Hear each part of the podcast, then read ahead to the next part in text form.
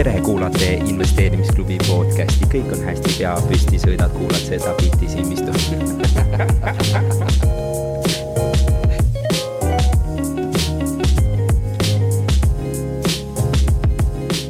no nii, kallid külalised, tere tulemast siis äh,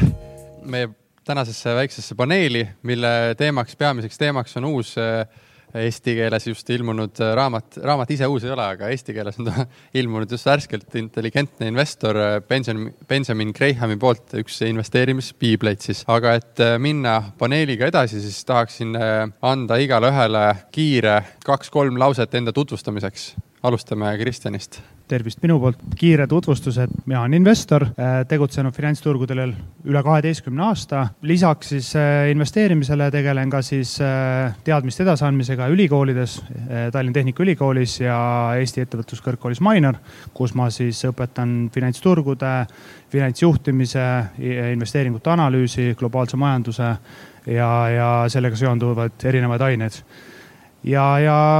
lisaks, et seda praktilist poolt liiga palju ei saaks, et siis natuke akadeemilises maailmas ka tegutsen, et hetkel on käsis siis doktori, doktoritöö viimane faas, ehk siis äh, kuu aja pärast peaks doktoritöö saama kaitstud, mis siis äh, just nimelt äh, uuribki seda, et mis toimub investorite peades, kuidas nad käituvad, miks osad käituvad targemini kui teised, miks osad teevad ratsionaalsemaid otsuseid ja, ja mis on nende otsuste ja strateegiate taga. mina, Juhan Lang,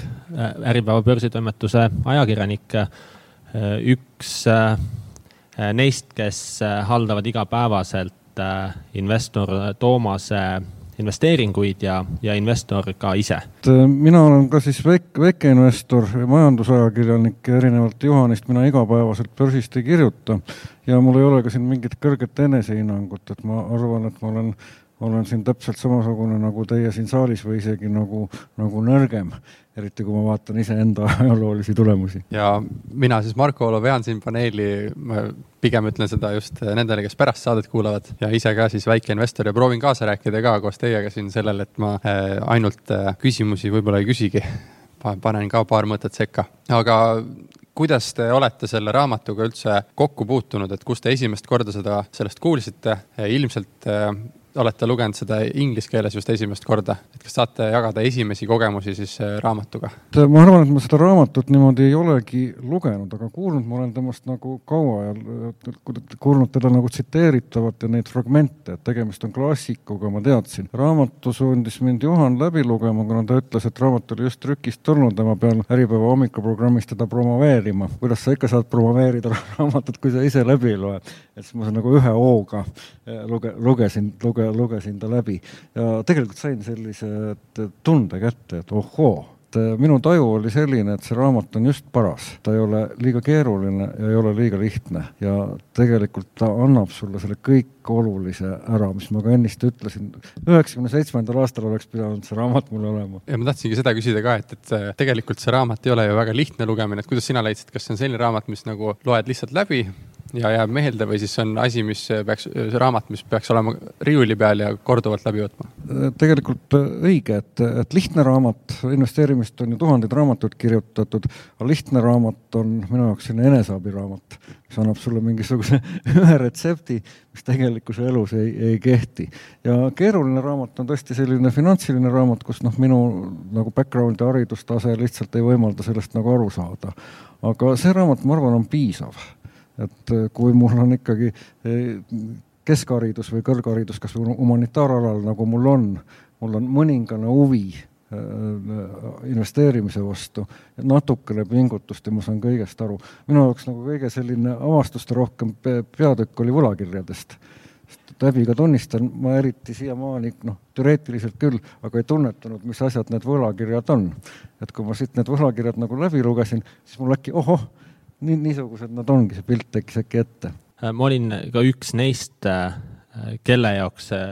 nagu südameasjaks oli, et see, see eesti keelde nagu panna ja et noh, et investor Toomase poolt oli nagu selline väga loogiline asi, et kuna ta sai seal nagu ka, ka kaasa rääkida, et mulle nagu üldse ei meeldi, kui ka nagu ajakirjanikuna, et kui lugejaid või auditooriumi nagu alahinnatakse, et ehk et, et ma üldse ei usu seda, et ta, et ta nagu liiga, liiga keeruline oleks aga minu enda jaoks, et on nagu no, eri valdkonnad, et ma ei ületähtsusta tegelikult äh, Grahamit kui sellist väärtuse hindajat, et kui võtame nagu väärtpaberite väärtuse hindamise, siis on, ma arvan, number üks on ikkagi Tamado Run sellisest moodsatest väärtuse hindajatest, aga, aga minu enda jaoks Grahami kõige suurem väärtus on see, et ta, ta annab sellise mõtteviisi ja minu jaoks ja kui ma vaatan ka investor Toomase edukamaid investeeringuid, et need ei ole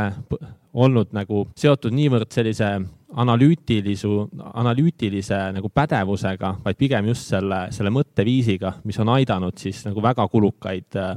vigu vältida ja, te, ja teha nagu neid äh,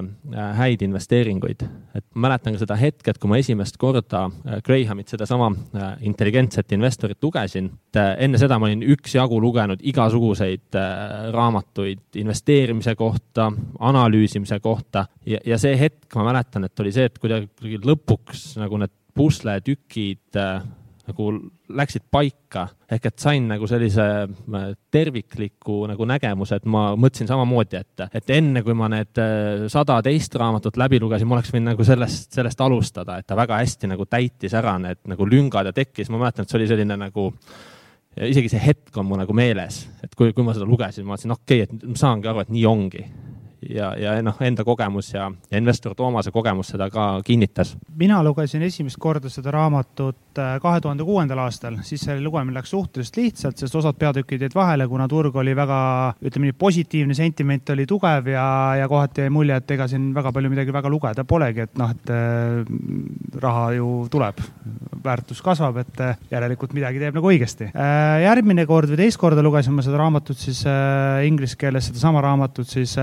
kahe tuhande kümnendal aastal, siis juba oluliselt detailsemalt, oluliselt teise pilguga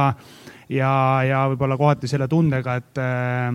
tunnistades siis nii-öelda seda, kuidas öelda, aukartust või, või või, või nagu pea natuke norgus tagasi minnes, et, et vabandust, et ma eksisin, et äh, nüüd võtame selle asja uuesti ette, teeme seekord paremini ja, ja, ja teeme teistmoodi ehk siis mina olen jah seda raamatut kaks korda lugenud ja siis peale seda detailset lugemist tegelikult sain ma aru, kui vähe ma tean. See sundis mind eh, just seda akadeemilist teed ette võtma, ehk siis eh, akadeemiliselt juurde uurima ja õppima selle kohta ja, ja lisaks ka siis teisi raamatuid juurde lugema, mis siis eh, teatud valdkondi täpsustasid tänasel hetkel me väikest viisi loeme seda kolmandat korda või ma olen vähemalt äh, alustanud selle lugemist. see raamat on kolmanda korraga muutunud juba väga kapsaks, mitte sellepärast, et seal väga palju oleks midagi alla joonitud või kogu aeg sama asja üle loeks, vaid sellepärast, et kaheaastane poeg arvab, et ta tahaks ka seda raamatut lugeda ja tema lugemismeetodid on natuke teistsugused. aga jah, teda huvitab see raamat millegipärast rohkem kui need näiteks rongiraamatud või mingid muud raamatud, et ei teagi, kas sellepärast, et issi loeb seda või sellepärast, et tõesti on väga hea raamat nii et jah, eks paistab siis. aga mis see väärtusinvesteerimine on, et see raamatu peamine slogan on siis väärtuspõhise investeerimise teejuht. Äh, mis on need väärtusinvesteerimise mõtted, mis te siit raamatust olete keegi välja endale noppinud? Äh, jah, et ma sekundeerin nagu Juhanile, et mul ka, kui ma olin mingisugusesse kohta jõudnud selles raamatus, siis lõi äkki nagu pildi ette, lõi, lõi selgeks. aga sinu küsimuse juurde nagu tagasi tulla, et kõigepealt nagu hästi üldiselt, et, et unusta emotsioonid, lase emotsioonidel ennast nagu juhtida, igal pool on nagu loogika taga et kui seda loogikat nagu ennast vaatad, siis tegelikult iga asjaga võib ka natuke vaielda. et äh, mul on üks koht, mis siin nagu raamatus meelde jäi, see ei olnud küll, küll mitte Graham, aga siis äh, Jason Zweigi äh, mõttearendus, kus ta siis rääkis riskide nagu hajutamisest ja tõi siis sellise näite, et kui me proovime leida just nimelt neid aktsiaid, mis tohutult nagu tõusevad, et see on võrdväärne nõelade otsimisega heinakuhjast. Et, et sa neid aktsiaid väga suure tõenäosusega üles ei leia, küll aga on siis, on sul võimalik äh, osta terve heinakuhi koos kõigi nende nõeltega. et äh, ma sain kõigest nagu aru, et iseenesest ma ka seda põhimõtet jagan, aga ma siiski mingi osa oma portfellist olen praegu proovinud niimoodi paika panna, et äkki just see kõrrekene on ikkagi see nõel ja ma võtan siit nagu natukene rohkem kust äh, see siis tuleb, et, et kui siin tee, teejuht ütleb, et, et, et võta siis üldist turgu ja siis seal on need nõelad sees, mis kasvavad ka, et kust äh, sinu äh, need kogemused on tulnud, et võiks siis jahtida neid üksikuid nõelu? no ikka kasutamata võimalustest. mul käis peas läbi kahe tuhandete aastate alguses osta Amazoni. aga noh, et kogu aeg oli kasumit see ettevõte ei suutnud nagu teenida, pealegi noh, raamatute müük ikkagi väga väikse turuga asi läbi interneti, jätsin ostmata kaotus seitsekümmend korda. korrad oli mul isegi portfellis, müüsin vist mingi kümneprotsendise kasumiga maha. siis äh, tahtsin osta Apple'it, kui äh, esimene iPhone tuli turule. kaalusin ja mõõtsin ja lugesin Äripäeva ja ostsin Nokiat. loetelu võiks nagu jätkata, noh, Google olen ju meediast tean, kuidas see nagu äri toimub. see oli ju näha, et ta võtab selle reklaamituru ära, oli näha, kaks tuhat viis oli näha, me kõik nägime. miks ma ei ostnud? jah, ja investor Toomas mitte kunagi tõenäoliselt neid aktsiaid ei oleks ka soovitanud ja, ja üks põhjus on, et, et see raamat võib ka neid teid tegelikult ja meid äh, nagu lõplikult ära rikkuda ja mul on tunne, et mind on nagu mõnes mõttes ta ära rikkunud, et, et käsi nagu parimagi tahtmise juures ei tõuse lihtsalt ostma näiteks Teslat et nad ei, nagu noh, nende samade suhtarvude järgi ja väärtuspõhiselt nad lihtsalt ei kõlba, et, et nad kõlbavad nagu mingi osaga spekuleerimiseks. ja sind kuulates ma jätsin Facebooki ka ostmata, aga nüüd ma Tesla ostsin ja ma arvan, et Tesla praegu on see nõel. jah, et mi, minu jaoks see väärtus, väärtuspõhine või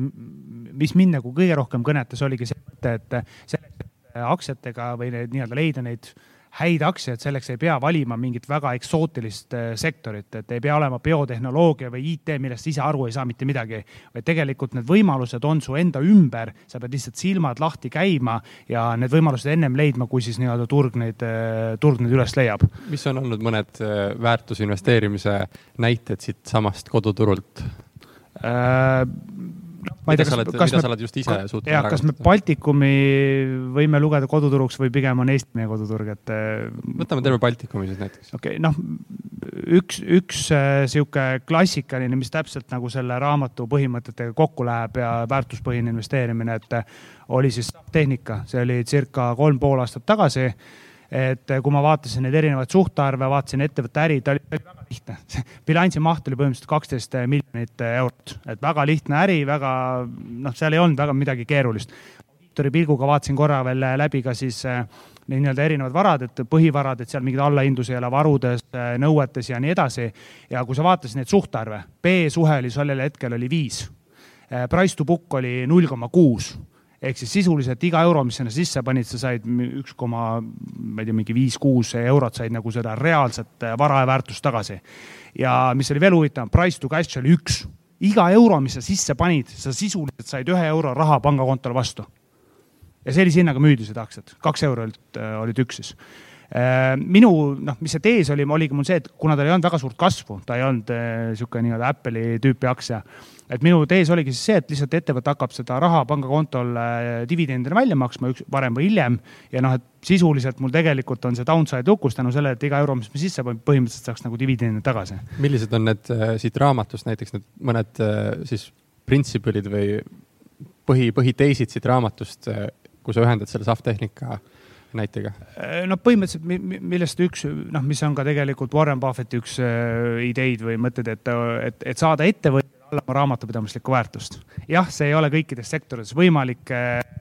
aga ütleme siis niisugustes traditsioonilistes sektorites, näiteks ka nagu see SAF-tehnika nii-öelda toimetus, et seal tegelikult on võimalik leida teatud juhtudel äh, ettevõtted alla oma raamatupidamisliku väärtuse, mis tegelikult äriliselt toimivad. ehk üldjuhul, kui nad on alla see price to book alla ühe, siis seal on mingi jama see on tavaliselt indikatsioon, aga teatud juhtudel turg hinnastab neid valesti, mis iganes äh, likviidsuse põhjustel äh,, ebaefektiivsuste põhjustel või, või muudel põhjustel, mis tegelikult ei puuduta üldse seda konkreetset äh, ettevõtet ja selle tegevusvaldkonda.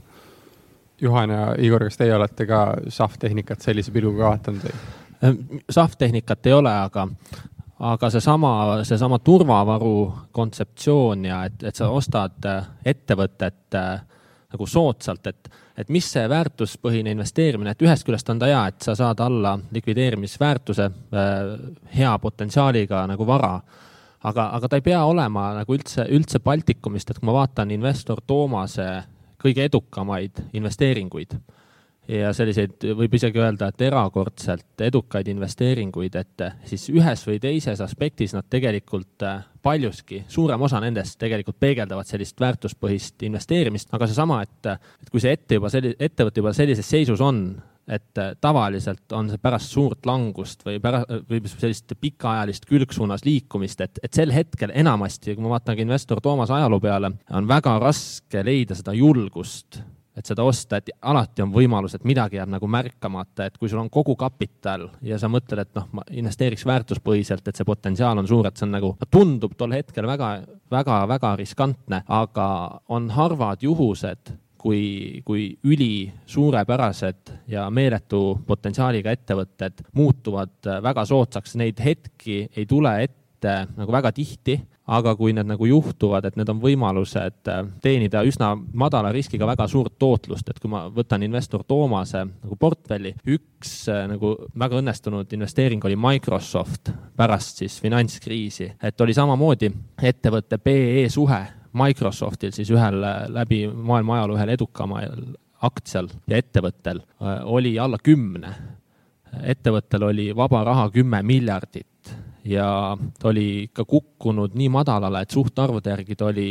sa sama soodne, nagu ta oli kuskil kaheksakümnendate lõpus. et need on need hetked, kus tuleb nagu olla julge, et investor Toomas küll investeeris, ta ei olnud nagu noh, lõpuni julge, investeeris küll mitmes osas ja, ja aastaid ka hiljem, kui aktsia hind oli juba kahekordistunud, ikkagi nagu investeeris, endiselt tundus see nagu soodne. aga, aga võib öelda, et, et see ei ole nagu alati, alati lihtne, et siis on samad põhimõtted, et millest ka siin raamatus räägitakse, need on nagu väga väga olulised, et üks asi on jah, numbrid, et ta tundub nagu väga soliidne. Ja noh, teine hea näide, näiteks seesama Statoil, et mille aktsia maksis veel kaks aastat tagasi, ütleme sada nokki, sada Norra krooni, nüüd ta maksab kakssada kakskümmend. see oli juba hetk, et kus me olime üsna julged, kuna me nagu nägime seda ettevõtet, et, et mis ta nagu täpsemalt on ja me nägime seda turu nagu paanikat ja siis me juba kasutasime seda võimalust nagu julgema nagu südamega ära, et see, ta suhtarvudelt ei olnud selline klassikaline, ta ei olnud alla raamatupidamisväärtust kindlasti, aga võib-olla selline pessimismi ärakasutamine ja nende kahe näite puhul Microsoft ja Statoil, et nad ei ole sellised äh, väikeettevõtted, nad on ikkagi väga suured, et Statoil, äh, Skandinaavia suurim äh, ettevõte, Microsoft, üks maailma suurimaid tehnoloogiafirmasid, väga harva juhtub, juhtub, aga kui juhtub, et sellised kvaliteetettevõtted muutuvad äh, soodsaks, et need on väga head võimalused. siitkohast jah, ma tahtsingi küsida, et, et kui, kas väärtusinvesteerimises, et kui sa saad midagi hästi odavalt siis osta ja selle väärtus siis äh, tõuseb, siis ta saab pärast nimetada jah, et see oli see väärtusinvesteerimise valik, mis ma nüüd õigesti panin, aga teisalt võib see olla ka kukkuv nuga, et, et sa võtad seda ja, ja ta pärast kukub täiesti alla veel. Ehm, ja siis sa ei kutsu seda väärtusinvesteerimiseks enam, et mis on need mõned näited, kus nii-öelda väärtusinvesteerimise ettevõte, mida sa oled tahtnud osta, nendel põhimõtetel on muutunud sellest kukku, kukkuvaks noaks mm,? okei okay. pöörasid pea peale selle küsimuse, aga äh,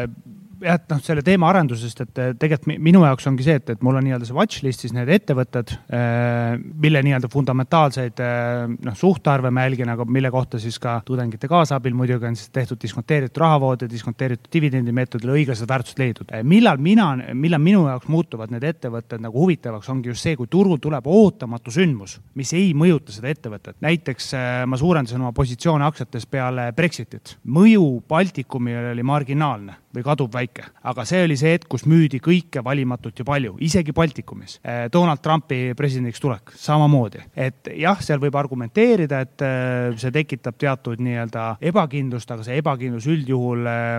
või noh, ütleme, et see, ta, ta ei jõua meie regiooni selliselt küll aga need aktsiad saavad suhteliselt palju karistatud, sest lihtsalt positsioone likvideeritakse. Need, need on need hetked, kus siis minu jaoks muutuvad need ettevõtted veel atraktiivsemaks siis. aga see koht, mis sa küsisid nüüd, et siis, et millal siis nii-öelda sellest väärtuslõksuks on muutunud see, põhimõtteliselt jah, võib öelda, et aasta kaks tuhat seitse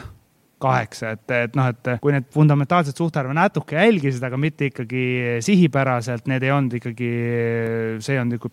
peamine tees, et kui sentiment muutus ja, ja tegelikult ettevõtte rahavood, vabad rahavood vähenesid oluliselt, siis, siis ühtäkki need suhtarvud väga kiiresti ka muutusid ja noh, oligi tegemist siis nii-öelda see väärtuslõksuga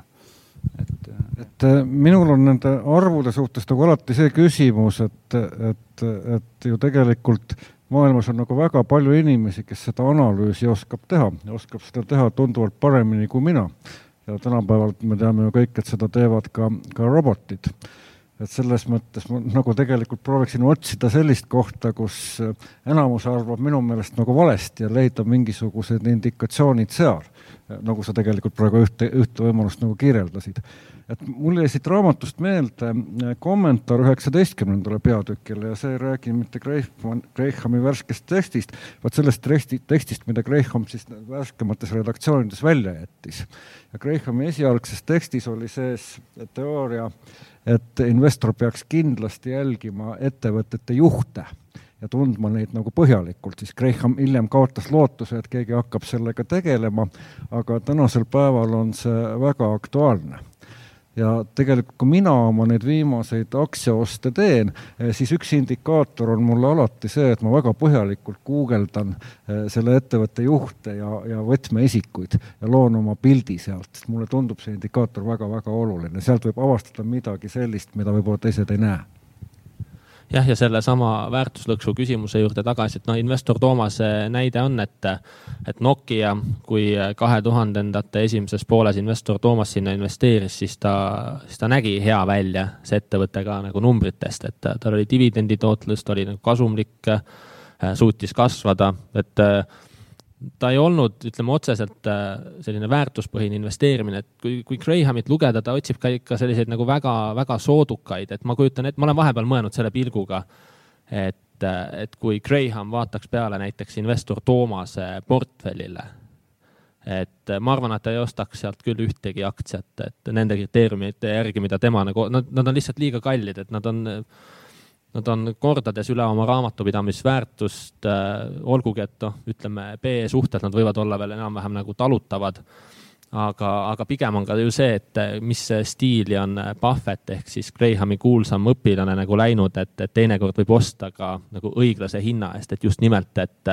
neid inimesi, kes oskavad väärtpaberite õiglast hinda äh, väga täpselt arvutada, et neid on nagu lademetes üle maailma nendega konkureerida, et, et see konkurentsieelis tekibki pigem nagu selles suhtumises, et mis ma investor Toomase puhul näen, et, et õigetel hetkedel oleks olemas see julgus just. et kaks suurt teemat siit raamatust, mis läbi käivad, on see, esimene, kuidas siis minim-, minimas-, minimaliseerida neid või,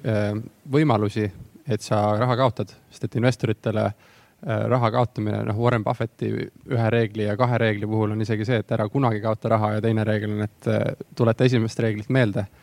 et kuidas siis nende põhimõtete järgi, äh, mida peaks tegema, et mitte raha kaotada ja kuidas seda tõenäosust vähendada? ma ütlen lühidalt, et peab selle raamatu läbi lugema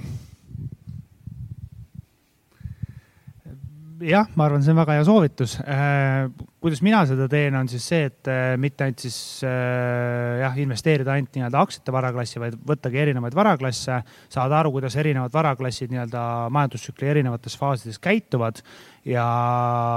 ja põhimõtteliselt noh, hajutada varaklasside vahel, hajutada äh,, hajutada ka nende instrumentide lõikes ja, ja noh, seeläbi, kui sa nüüd räägid matemaatiliselt, siis seeläbi on võimalik seda tõenäosust nii-öelda vähendada. seda ei ole võimalik nagu nulli viia, siis me võime Saksamaa riigi võlakirja osta, aga see ei too meile mingit tulu ehk siis noh, päeva lõpuks ikkagi taandub see kõik riskitulu suhtena portfelli perspektiivis jah, no see nagu sõltub ka sellest, et mis äh, nagu tulumäära otsida, aga mõtlen, kui sa, sina niimoodi nagu hajutad, et mi, mi, mis aasta tootlust sa jahid niimoodi nagu hajutades varaklassiti? no ma olen, ma olen öelnud või endale algse, algusest peale võtnud selle eesmärgi, et kui ma ei suuda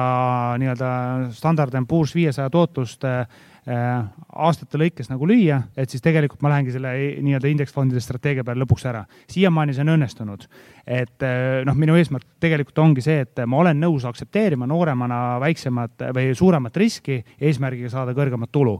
Äh, siiamaani noh, ütleme viimased kaks aastat on turg helde olnud, et tootlus on olnud seal umbes kahekümne protsendi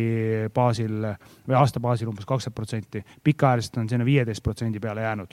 Aga see eelkõige see tootlus, kui ma tagantjärgi vaatan, kust see tootlus tuleb, see tootlus tegelikult tuleb nendest turu ebaefektiivsust ärakasutamisest. ja tänasel hetkel, hetkel isegi mitte mm, aktsiaturgudel, vaid nii-öelda muudes varaklassides, kus seda ebaefektiivsust rohkem, kuhu need nii-öelda arvutid ei jõua analüüsima, eh, kus sul on teatav eelis, eh, teiste investorite eelis, e-, ees siis. ja, ja noh, see tootlus kahjuks või õnneks tuleb sealt, et mul, ma hea meelega toimetaks aktsiaturgudel, aga, aga mul lihtsalt ei ole seda nii suurt eelist. Baltikumis on eh, investorite võimalik eelist leida, aga see on ka piiratud mahus ja, ja, ja mitte alati kättesaadav. jah, et kui, kui tulla selle juurde, et et kuidas seda kaotuse nagu võimalust minimeerida, et no ütleme, investor Toomas on selline, et tal on, tal on natukene võlakirju, korporatiivvõlakirju. suures osas on ta alati olnud nagu aktsiates, et läbi aktsiate ta on püüdnud võtta siis nagu eri sektorites ja valdkondades nagu, nagu riski. ma näen, et mida on üliraske teha ja ka minul nagu isiklikult, et miks mina isiklikult eelistangi indeksifonde puhtalt ka selle aja, ajasäästu mõttes, on see, et on kannatlikkus aga seda kannatlikkust äh, aktsiaturgudel, et see on nagu meeletult, meeletult äh, keeruline saavutada, et me teame investor Toomast, meil on jälgimisnimekiri ja meile meeldis tegelikult Statoili aktsia ka, ka enne äh, nafta järsku kukkumist. ka enne seda ta tundus meile selline üsna õiglane, õiglaselt hinnastatud selline hea ettevõte, mis võiks olla pikaajaliselt nagu portfellis kuna ta oli meil äh, nii-öelda siis watchlist'is või, või jälgimisnimekirjas, nafta hind äh, kukkus sealt äh, saja pealt kuskile viiekümne, kuuekümne dollarile barrelist. nägime, et see ostuhetk on nagu käes, ostsime, kukkus sealt veel kuskile kahekümne kuuele dollarile barrelilt. Statoili aktsia kukkus veel seal nagu protsentides ikka mitukümmend protsenti. ostsime nagu veel juurde, et see kannatlikkus, et sa oledki seal aasta otsa ja siis sa kasutad neid võimalusi, et see on ka nagu selline, nõuab natukene sellist jälgimisvaeva, et aeg-ajalt suurepärased ettevõtted muutuvad alahinnatuks, on üks äh, võimalus neid kaotusi hoida nagu pikaajaliselt madalamana, aga, aga ma ütlen, et see on, see on üsna keeruline. et kokkuvõttes siis on erinevad soovitused läbi käinud, kuidas minimaliseerida äh, raha kaotamise riski või sellist tõenäosust, siis äh, Kristjan, sina mainisid seda, et tuleb varaklasside vahel siis hea tasakaal leida mingi portfelliteooria kohaselt, äh, Juhan, sina mainisid, on vaja kannatlikkust äh, kõvasti. jah, ja siin on üks asi tuleb ka mängu, et, et see, millest äh, Kristjan räägib, et see on ka see, mida, mida tegelikult Graham kirjeldab, et see on ettevõtlik investor, et ta on sisuliselt Kristjan on mõnes mõttes nagu ettevõtja tegelikult, et selliseid riske võtta, sa pead võtma nagu sellist äri, ärimehe riski, et sa ajad nagu justkui sellist investeerimisäri. investor Toomas on aktiivne investor, aga ta, ta ei ole nagu niivõrd ettevõtlik investor, et see on ka põhjus, et miks Toomas näiteks ei, ei otsi ja ei suudagi leida selliseid nagu võimalusi. et seal peab arvestama ka sellega, et ütleme, investor Toomas on ikkagi selline nagu poolpassiivne. et, et seda peaks ka nagu kindlasti arvestama, et, et ta, Graham toob ka siin nagu vahet, vahet sisse, et see on ka see põhjus, miks mina näiteks isiklikult valdavas enamuses eelistangi lihtsalt indekseid, et ma näen, et sellist nagu äh, muude asjade kõrvalt leida endas sellist nagu ettevõtlikkust või investeerimisäriga nii-öelda tegeleda, et, et seda lihtsalt on raske leida. ja ma arvan, et Igoril äh, oli alguses nagu väga hea lisa siia, et, et üks kõige tähtsamaid asju on ennast harida, et, et kuidas ikkagi minimaliseerida neid äh, tõenäosusi kaotada raha, on see, et sa pead olema siis teadlik sellest tegevusest, mis sa teed, et, tõmmates paralleele äh, riskantsemate varaklassidega nagu krüptovaluutad ja kõik need, et siis võib ka tulla suuri kaotusi ju tänu sellele, et, et, et ühiskond või noh, investorid ei ole nii teadlikud veel, et see haru, haru on siis äh, võrdlemisi noor. aga kas sul on, Igor, midagi lisada siia? jah, et, et võib-olla see õppetund või veel nagu kinnitus, mis on ka mul nagu tekkinud, et et siin selliseid lihtsaid retsepte, rikastumise retsepte ei ole. ja ma teadsin seda nagu ammu aga kuskil alateadvuses on ikka see nagu olemas, et, et äkki see kuskil on, loen mingi raamatu läbi, loen mingi teooria läbi ja nagu leian seda. et selle raamatu nagu läbi lugedes minuni jõudis see tundmine, et lihtsalt retsepte ei ole. Äh, samas kuskil need retseptid on ka ikkagi olemas. Need retseptid on nii-öelda loogilised ja sinu enda peas. ja, ja just nimelt, sa pead suruma maha emotsioonid leidma iseendale selle kõige parema lahenduse ja siis see ka nagu edu tuleb. teine pool see küsimust on see, et, et kuida-, et mitte siis, et kuidas tõenäosust vähendada, et mitte raha kaotada, aga teine suur teema, mis siit raamatust läbi käib, on see, et äh, kuidas maksimeerida neid võimalusi, et sa saaksid teenida äh, siis suuri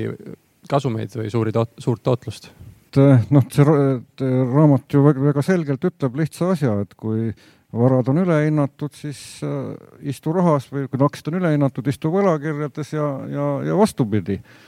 et, et iseenesest ju nagu jumala tõsi, et äh, kaks tuhat kaheksa, ma mäletan kahte kriisi on minu kogemus, see, see Eesti kriis üheksakümmend seitse, üheksakümmend kaheksa, et, et sel hetkel ole rahas võlakirju, siis ma ei tea, kas saigi, saigi nagu osta ja, ja, ja siis, kui kõik räägivad, et, et aktsiaturgu Eestis ei ole olemas, et ja üldse kapitalism ei ole võimalik, et sel hetkel osta. Ja sel hetkel, kui tõesti taksojuhid hakkavad ostma, kui aktsiad, aktsiad on nagu tõusuteel, ma isegi ütleksin nagu praegu, siis pigem, pigem pane oma raha suures osas nagu, nagu võlakirjadesse või mingi, või kinnisvarasse või mingisugusesse nagu muud, muude varasse. et, et kuskil on jah, minu meelest nagu keegi väga tabavalt, tabavalt seda öelnud, et kui eh, aktsiate hinnad on üleval siis müü ja nad tõusevad veel ja sa kahetsed seda. ja kui aktsiate hinnad on all, siis osta. Ja nad langevad veel. Ja sul saab sellepärast olema väga kibe. aga kui sa seda põhimõtet nagu elu lõpuni järjekindlalt nagu hoiad, eh, siis sa pensionile minnes oled väga rikas mees. Jah, ma vahepeal võib-olla nii-öelda mikrotasemel siis nendest noh, minu ikkagi nagu see baasidee on see, et eh, erinevates varaklassides on võimalik neid turu ebaefektiivsusi ära kasutada ja see on võimalik siis kas tänu sellele, et sa tead midagi rohkem, mida turg ei tea, noh, mis aktsiaturgudel on näiteks eh, kuna me aktsiatest juba räägime, siis ma võin tuua ühe näite, muidugi noh, kui ma nüüd seda räägin, siis tuleb nii-öelda konkurente juurde, kes hakkavad sedasama asja ära kasutama, eks ju aga noh, näiteks üks asi, üks asi, mille ma suhteliselt, mille ma kaasa võtsin oma nii-öelda audiitoritööst, oligi siis tea-, äh, oligi siis IFRS üheksa ja provisioneerimine ehk siis kuidas finantssektoris laene provisioneeritakse. see ei käi alati niimoodi, et äh, kui äh, inimene jääb sulle võlgu, siis laen kirjutatakse maha teatud ulatuses. seal on ka nii-öelda see kollektiivne provisioneerimine ehk siis juba ennetavalt makromajandusnäitajate pealt tuleb pankadel teha kollektiivseid provisjone see, kas laenu maksavad või mitte, ei ole nagu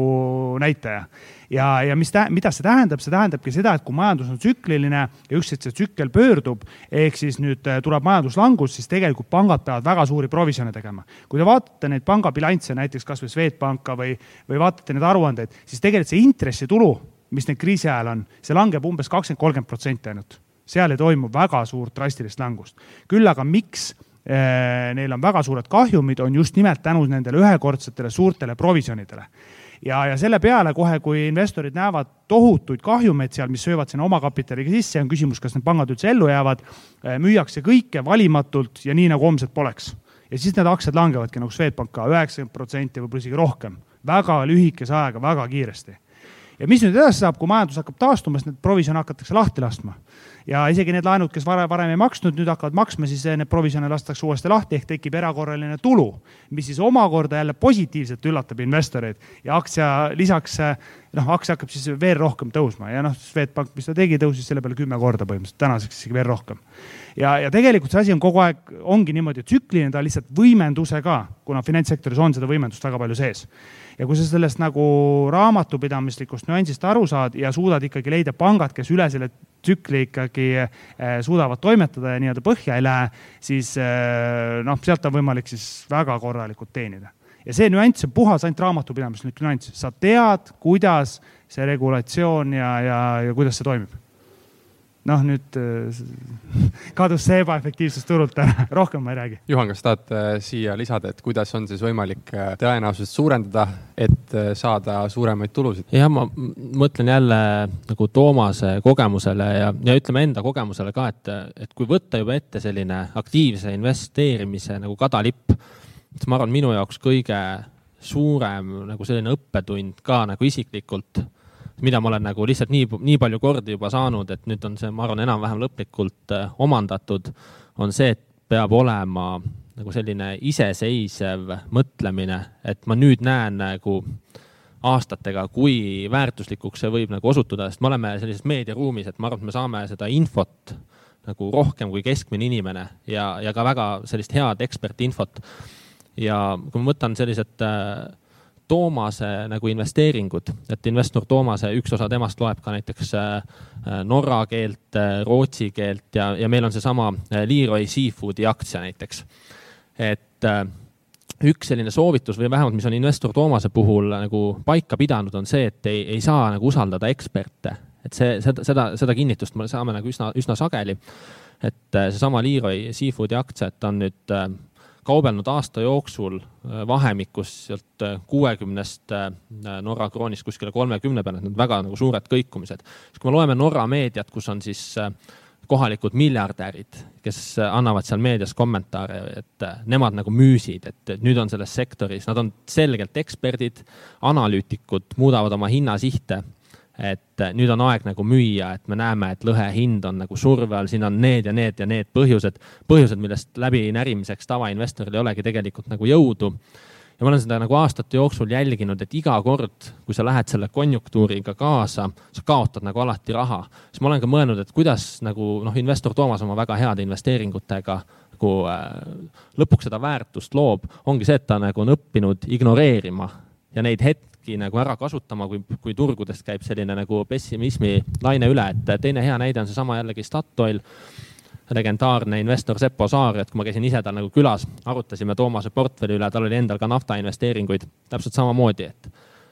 investeeri kuhu iganes mujale, aga mitte Statoili. rääkisin Norra parimate naftastrateegidega nagu telefonitsi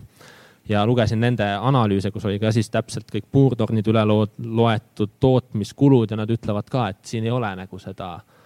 äh, seda väärtust nagu peidus, vaata neid ja neid ettevõtteid, et nii kui sa lähed nagu usaldama puhtalt neid arvamusi, sellest hetkest peale sa ei peaks enam olema aktiivne investor, sellest hetkest peale minu hinnangul sa lähed libedale teele, et juba keegi teine tegelikult juhib su investeeringuid, sul ei ole seda kontrolli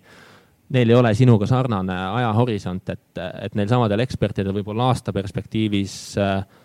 õigus, kui sinu investeerimishorisont on viisteist aastat, siis see info võib olla tegelikult väga nagu kahjulik. võib-olla üks mõte, mis mul siin tekkis seda raamatut lugedes ja tegelikult Juhan sind kuulates, et sa ütlesid, sa juhid küll investor Toomase portfelli, aga oma isiklikku raha paned indeksifondi ja siin ma loen seda ka, et Graham siis indeksifonde ei soovitanud, soovitas osta siis võrdsetes proportsioonides tuntud Dow aktsiaid, sisuliselt on sama, mis indeksifond. Ja, ja siis peaks nagu hästi minema. nüüd ma mõtlesin, et noh, panengi raha indeksifondi, annan sinna Tõnu Peki kätte, et siis mul seda raamatut ei ole üldse vaja ja siis meil ei ole siin tegelikult vaja täna koos käia ja selle üle arutada, paneme sinna indeksifondi ja, ja võta, võtame selle äh, kasumi pensionile jäädes välja. aga siis ma mõtlesin, et mina ei pane mitte kunagi seda raha indeksifondi, mitte sellepärast, et ma arvan, et ma sellest targem olen, äkki olen ka, aga, aga sellepärast, et siis kaob kogu see rõõm või intellektuaalne nauding ära mis ma aktsiaturul nagu tegutsedes saan ja ise ka kaasa mõeldes saan, oma võite ja kaotusi nagu läbi elades. ja vähemalt minu jaoks sellel asjal on, on noh, tohutu emotsionaalne väärtus. et sellest emotsionaalsest väärtusest siin raamatus väga palju juttu just ei ole, et siin pigem tuleb jääda kindlaks enda, enda harjumustele ja siis edu saavutada, et mis te arvate emotsionaalsest poolest siis investeerimise juures? Ma olen sellega nagu nõus, et intellektuaalselt ja nii edasi, et võib-olla on ka see, et ma saan ennast investor Toomasena nagu välja elada, et sealt juba see emotsionaalne nagu nauding, aga ei, ma arvan sedasama, et, et see, et ma teatud etapil eelistan investeerida indeksitesse, et teisel etapil võivad need jällegi olla üksikaktsiad, ma kindlasti ei, ei välista seda, aga ma näen seda, et, et sel hetkel, kui mul ei ole nagu paremat ideed, et ma las ta olla pigem autopiloodi peal nendes sellistes indeksites, millesse nagu rohkem nagu usk on, et, et sedasama enda nagu lolluse riski nagu maandada. aga teisalt, kui tulevad sellised väga perspektiivikad äh, üksikinvesteeringud, et, et siis ma, mina kindlasti ei välistaks ja ma ei välistaks ka nagu väga suurte riskide võtmist teinekord. jah, see on niisugune filosoofiline küsimus, et äh, et mis siis päeva lõpuks surivoodil on tähtsam, et kas see suurem rahanumber seal kontol, mis on virtuaalne või siis eh, need eh, emotsioonid, mida sa oled koos oma eh, kolleegidega, teiste investoritega kogenud seeläbi, et sa oled neid võimalusi arutanud. et mina ütlen ausalt, mina olen nõus kui mitte kaks, siis vähemalt kolm-neli isegi protsendipunkti aastasest tootlusest ära andma, et saada just nimelt seda intellektuaalset naudingut, elada täisväärtuslikku elu, sõpradega neid rõõme ja, ja, ja põrumisi omavahel arutada. Ja noh, päeva lõpuks, mis number seal virtuaalselt kontol on, mis teistele jääb, et noh, see on tore, selle maksimeerimine, aga päeva lõpuks mina olen ikkagi inimene, ma ei ole robot ja, ja ütleme niimoodi, et minu jaoks see emotsionaalne, emotsionaalset väärtust on. et jah, et mina, mina olen nõus nagu tootlust selle nimel ära andma kohati ma noh, enda kogemusest näen, et kohati ta võib olla väga kallis meelelahutus ja selline sisuliselt võib-olla viimane oluline punkt, mis ma välja võtsin, mida ma tahaks arutada teiega, on see, et kuidas siis äh, saada võitu nendest äh, ennast hävitavatest äh, käitumusmustritest, mis tihtipeale hoiavad investoreid just selle eest, et teenida kõige kõrgemaid tootlusi ja enda potentsiaali nagu saavutada minu meelest nagu väga lihtne ka oma valusatest kogemustest tean,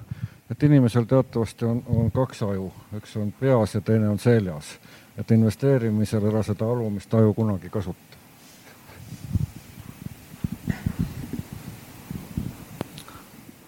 Jah, et, et nii palju kui võimalik vähegi siis nendest emotsioonidest eh, nagu eh, noh, nii-öelda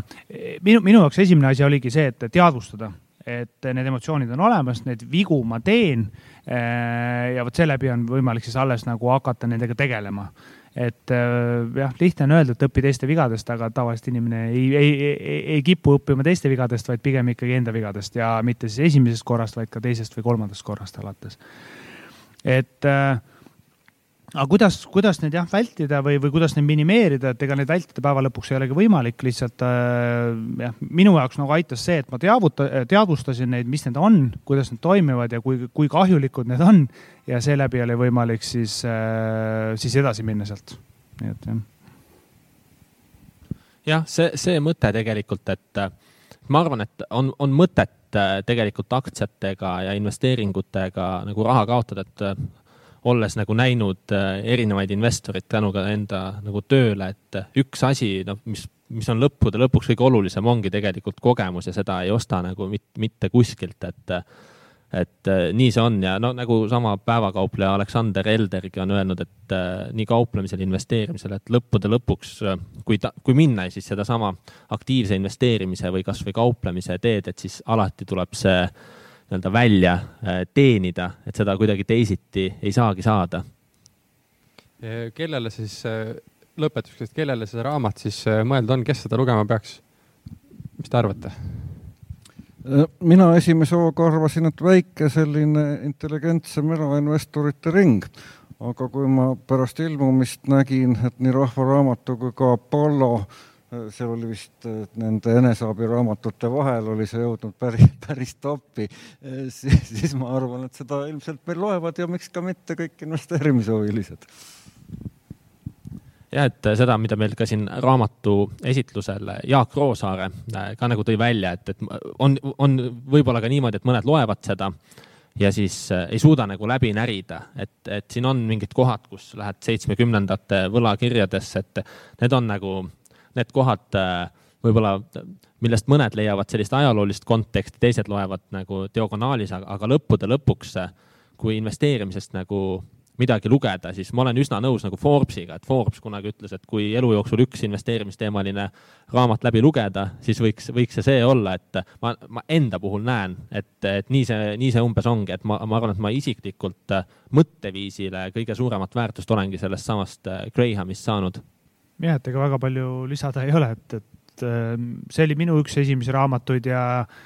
ja, ja siiamaani ta on aktuaalne, et äh, jah, et põhimõtteliselt, kui sa tahad ikkagi olla, ma ei, ma ei ütle nüüd edukas inve- või noh, edukas investor niikuinii, aga kui sa, ma ütleks niimoodi, tahaksid nimetada ennast investoriks, siis tegelikult see raamat on vaja ikkagi läbi lugeda ennem, et siis sa võid nagu öelda, et jah, et, et nii äh, praktiline pool ehk turgudel tegutsemine kui ka siis niisugune äh, baasteadmine äh, turgude toimimisest, et, et noh, need on siis nagu olemas, et eh, nüüd on võimalik edasi minna, et ma ütlen, mina julgeks ennast investoriks nimetada, kui ma ei oleks seda raamatut läbi lugenud, et ma võin neid turgudel tehinguid teha, neid, eh, neid nii-öelda spekuleerivaid tehinguid teevad paljud, aga kui sul ikkagi nagu niisugune strateegiapõhine või distsiplineeritud lähenemine, et siis, siis, siis sa võid tasapisi hakata ennast investoriks nimetama.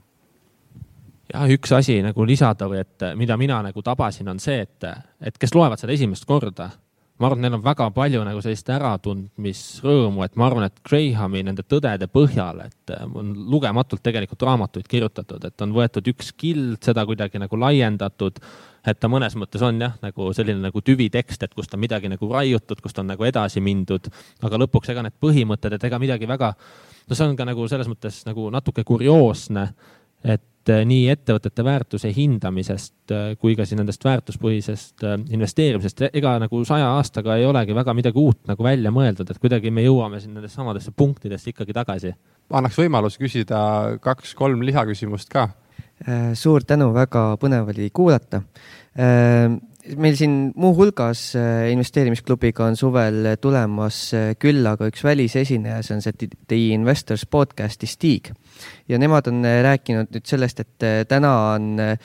olukord natukene teistsugune, kui ta oli näiteks mingi sada või kakssada aastat tagasi. et, et me oleme jõudnud kapitalisti, kapitalismist edasi järgmisesse, järgmisesse nagu asja või sektsiooni, mille nimi on kreditism ehk siis äh, hästi lihtsustatult öeldes, et kui, öeldes, et kui vanasti äh, näiteks alustasid äri need inimesed, kellel oli kapitali, et see äri käima lükata, siis tänasel päeval alustavad äh, inimesed äri krediidi peal kapitali omamata ja siis hakkavad teatud asjad teistmoodi tööle ja see on omamoodi olnud neil väike kriitika just sellele konkreetsele raamatule. et kas sellised mõttelõngad on äh, üldse tuttavad ja juhul, kui on, kuida-, kuidas, mis, mis, mis emotsioone või mõtteid see kõik võiks tekitada? tänud. see on praegune nagu hetk,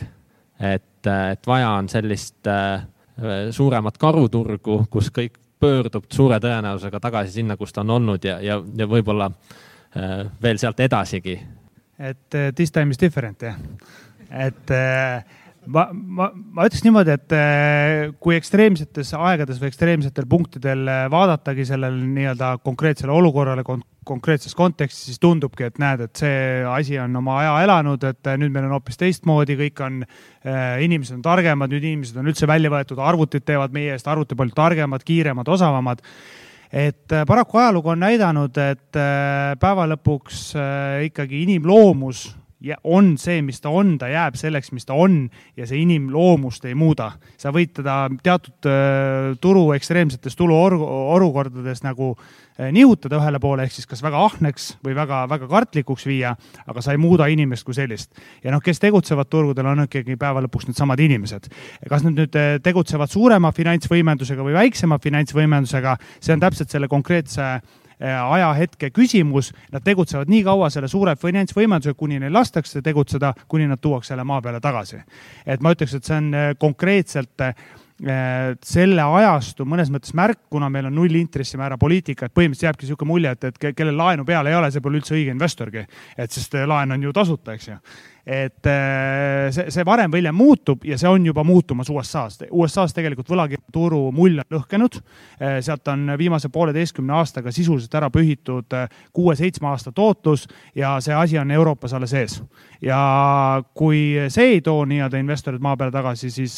küll tuleb järgmine pauk, mis nad toob. ehk siis sõnum on lihtne, et inimloomus on, mis ta on ja niikaua kui inimloomust ei muuda, eh, tegelikult turgudel need mehhanismid jäävad samaks, nad võib-olla teise variatsiooniga lihtsalt käituvad. aga see on minu nägemus, et võib-olla this time is different